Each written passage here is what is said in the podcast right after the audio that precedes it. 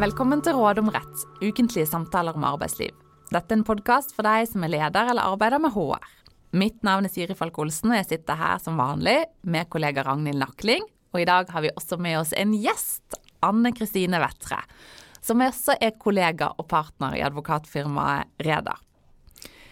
Du Anne Kristine, du jobber jo bl.a. med selskaper som har gått eller står i fare for å gå konkurs, og du også da bostyrer, som det heter.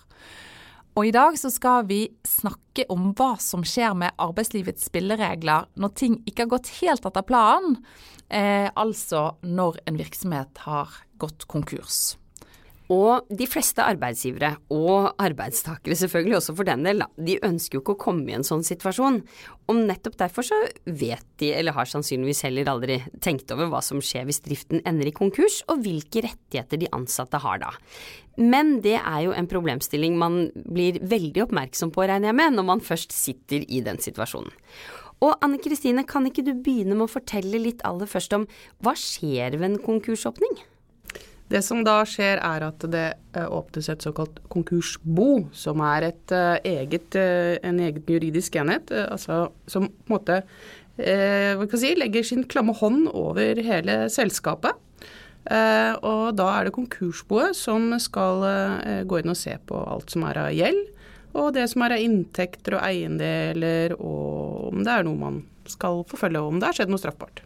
Sånn at da forsvinner på en måte arbeidsgiver litt. Det er det som man tidligere sant For de ansatte, da, så forsvinner arbeidslivet litt. Det de som tidligere bestemte og var ledere, tar ikke lenger beslutninger. Det er konkursboet som bestemmer, er det riktig? Ja, det er riktig. Det er eh, boet som eh, tar eh, alt av beslutninger, men selskapet det fortsetter å eksistere. Men det er boet som i stor grad kommer inn og tar over veldig mye av avgjørelsene. Og hvis jeg har forstått det riktig, som jo aldri har jobbet med konkurs, må det sies, men da er det vel boet eller du da som nøster på en måte litt i hva som har gått galt. Er det, er det riktig å, å, si?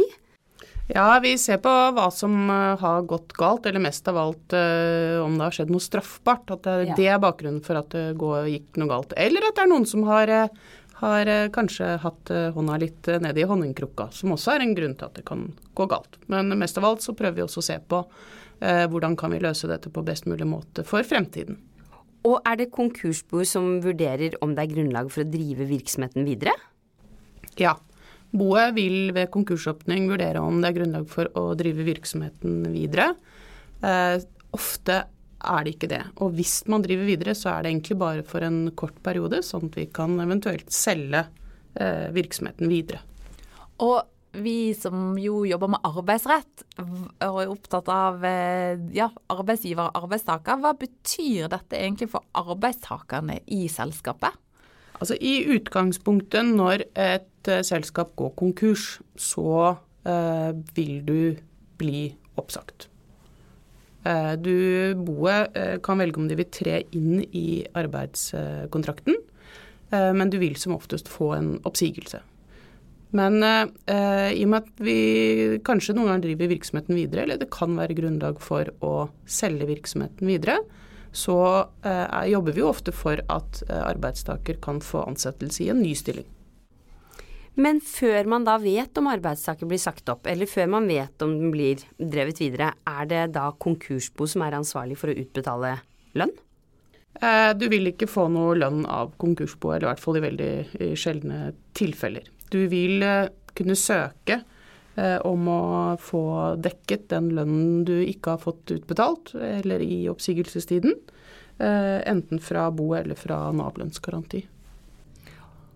Og når du snakker om konkursboet, er det er kanskje et dumt spørsmål, men er konkursboet i praksis deg som bostyrer?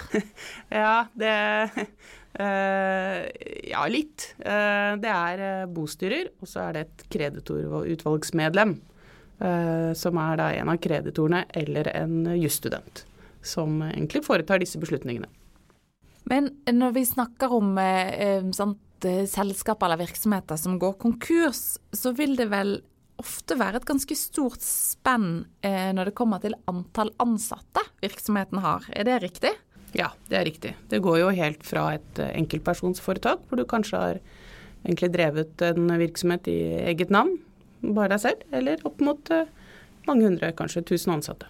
Ok, så, og dere, hvis jeg forstår det riktig, så er jo en av ikke sant, fra smått til stort, eh, og dere følger jo dem opp som bostyrer, regner jeg med. Delvis i hvert fall. Men hva slags rettigheter har de i en sånn situasjon? Altså la oss si at det er et lite selskap, da. En daglig leder, to medarbeidere. Bostyret bestemmer at selskapet ikke skal drives videre. Og kanskje hatt utfordringer en stund, sånn at disse tre ansatte ikke har fått lønn på flere måneder. Må disse ansatte da konkurrere med andre kreditorer om å få dekket det de har krav på? Eh, nei, det, det vil de ikke. Eh, eller altså, I utgangspunktet så vil de det, men eh, man vil kunne søke om eh, Altså melde krav i boet på utstående lønn og feriepenger og eventuelt andre ytelser som du ikke har fått. Og så vil du kunne rette dette mot konkursboet. Der er det ofte veldig lite penger. Men det er jo derfor har, de er konkurs. Det er ja. derfor de er konkurs. Men vi har noen ordninger i Norge, bl.a. Statens lønnsgarantifond, som gjør at du kan få At staten garanterer at du får dekket i hvert fall deler av den lønnen som du ikke har fått i en konkurs.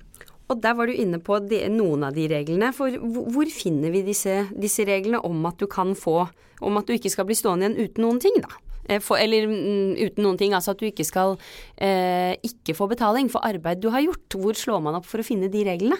Den, eh, det eneste det er eh, lønnsgarantiloven som jeg ikke husker det totale navnet på, men det er sikkert noe sånt noe lov om statens ordning for lønnsgaranti eller krav i konkursbo. Yes. Eh, og så er det dekningsloven. Ja. Og hvis man slår opp i dekningsloven, hva står det der om lønnskrav og feriepenger? Eh, der står det at eh, av alle kreditorene så eh, ligger eh, de ansatte nesten helt på topp. Det har da såkalt krav av første klasse. Det høres, det høres jo bra ut. Eh, og ja, det, det, er vel denne altså lønnsgarantiloven, er det da det er Navs lønnsgaranti, det? Det stemmer. Ja. Hva betyr det egentlig, Anne Kristine, at et krav er av første klasse? Nei, Det betyr jo at du har egentlig er, står egentlig på topp av hvem som skal få dekning fra konkursboet hvis det er midler der. Men kanskje viktigere er det jo at øh, for å ha krav på eh, krav lønns, under lønnsgarantiordningen, så må du ha et krav av første klasse.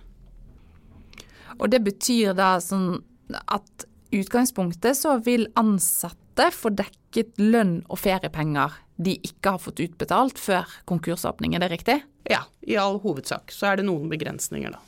Men hva hvis eh, daglig leder i selskapet også er kanskje hovedaksjonær eller aksjonær. Det er jo ikke så uvanlig i en del selskaper. Endrer det noe hvis man både er ansatt og aksjonær? Har man fortsatt de samme rettighetene? Ja, altså det som skal sies da, For daglig leder så er det slik at daglig leder har faktisk ikke et krav av første klasse.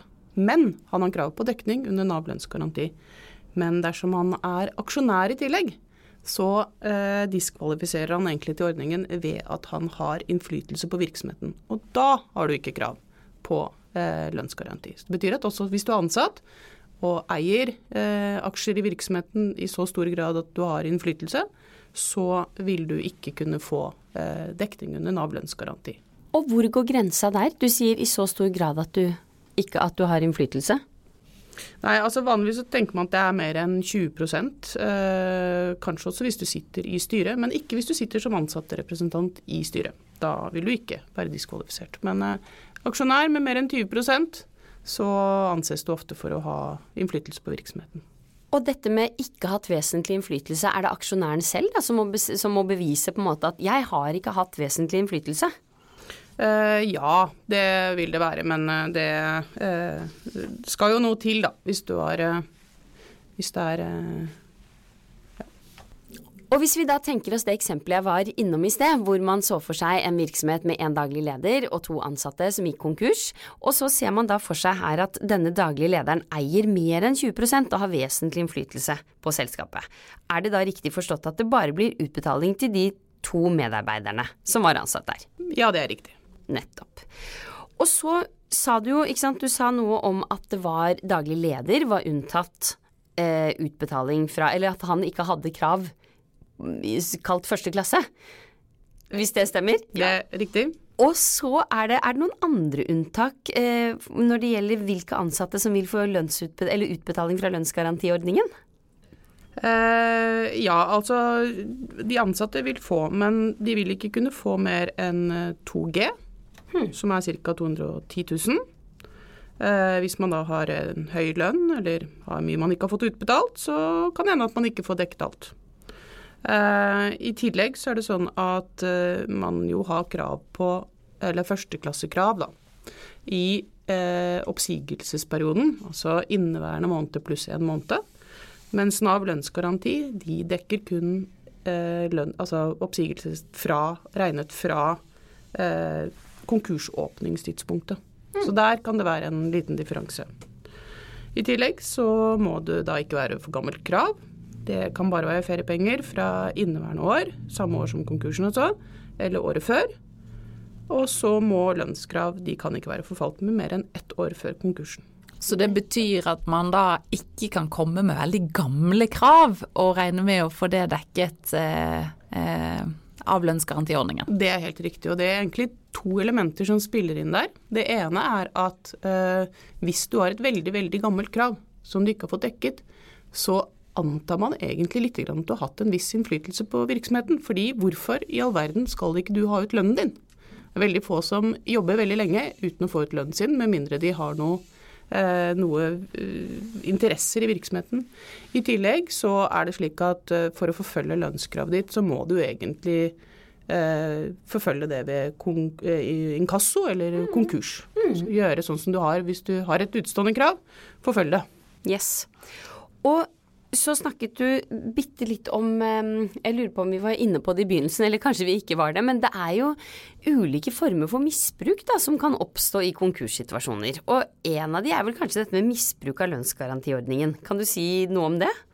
Ja, altså det er jo selvfølgelig ikke lov.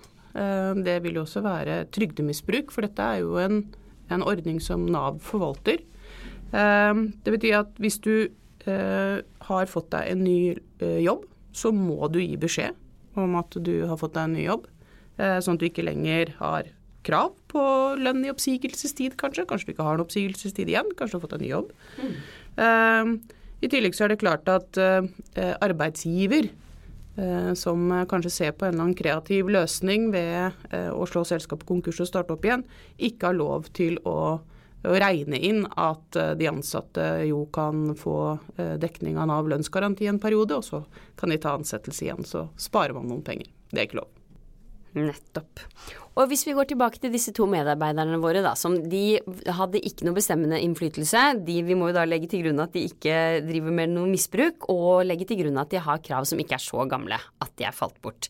Kan de da slappe av nå, da, og vite at de får det de skal?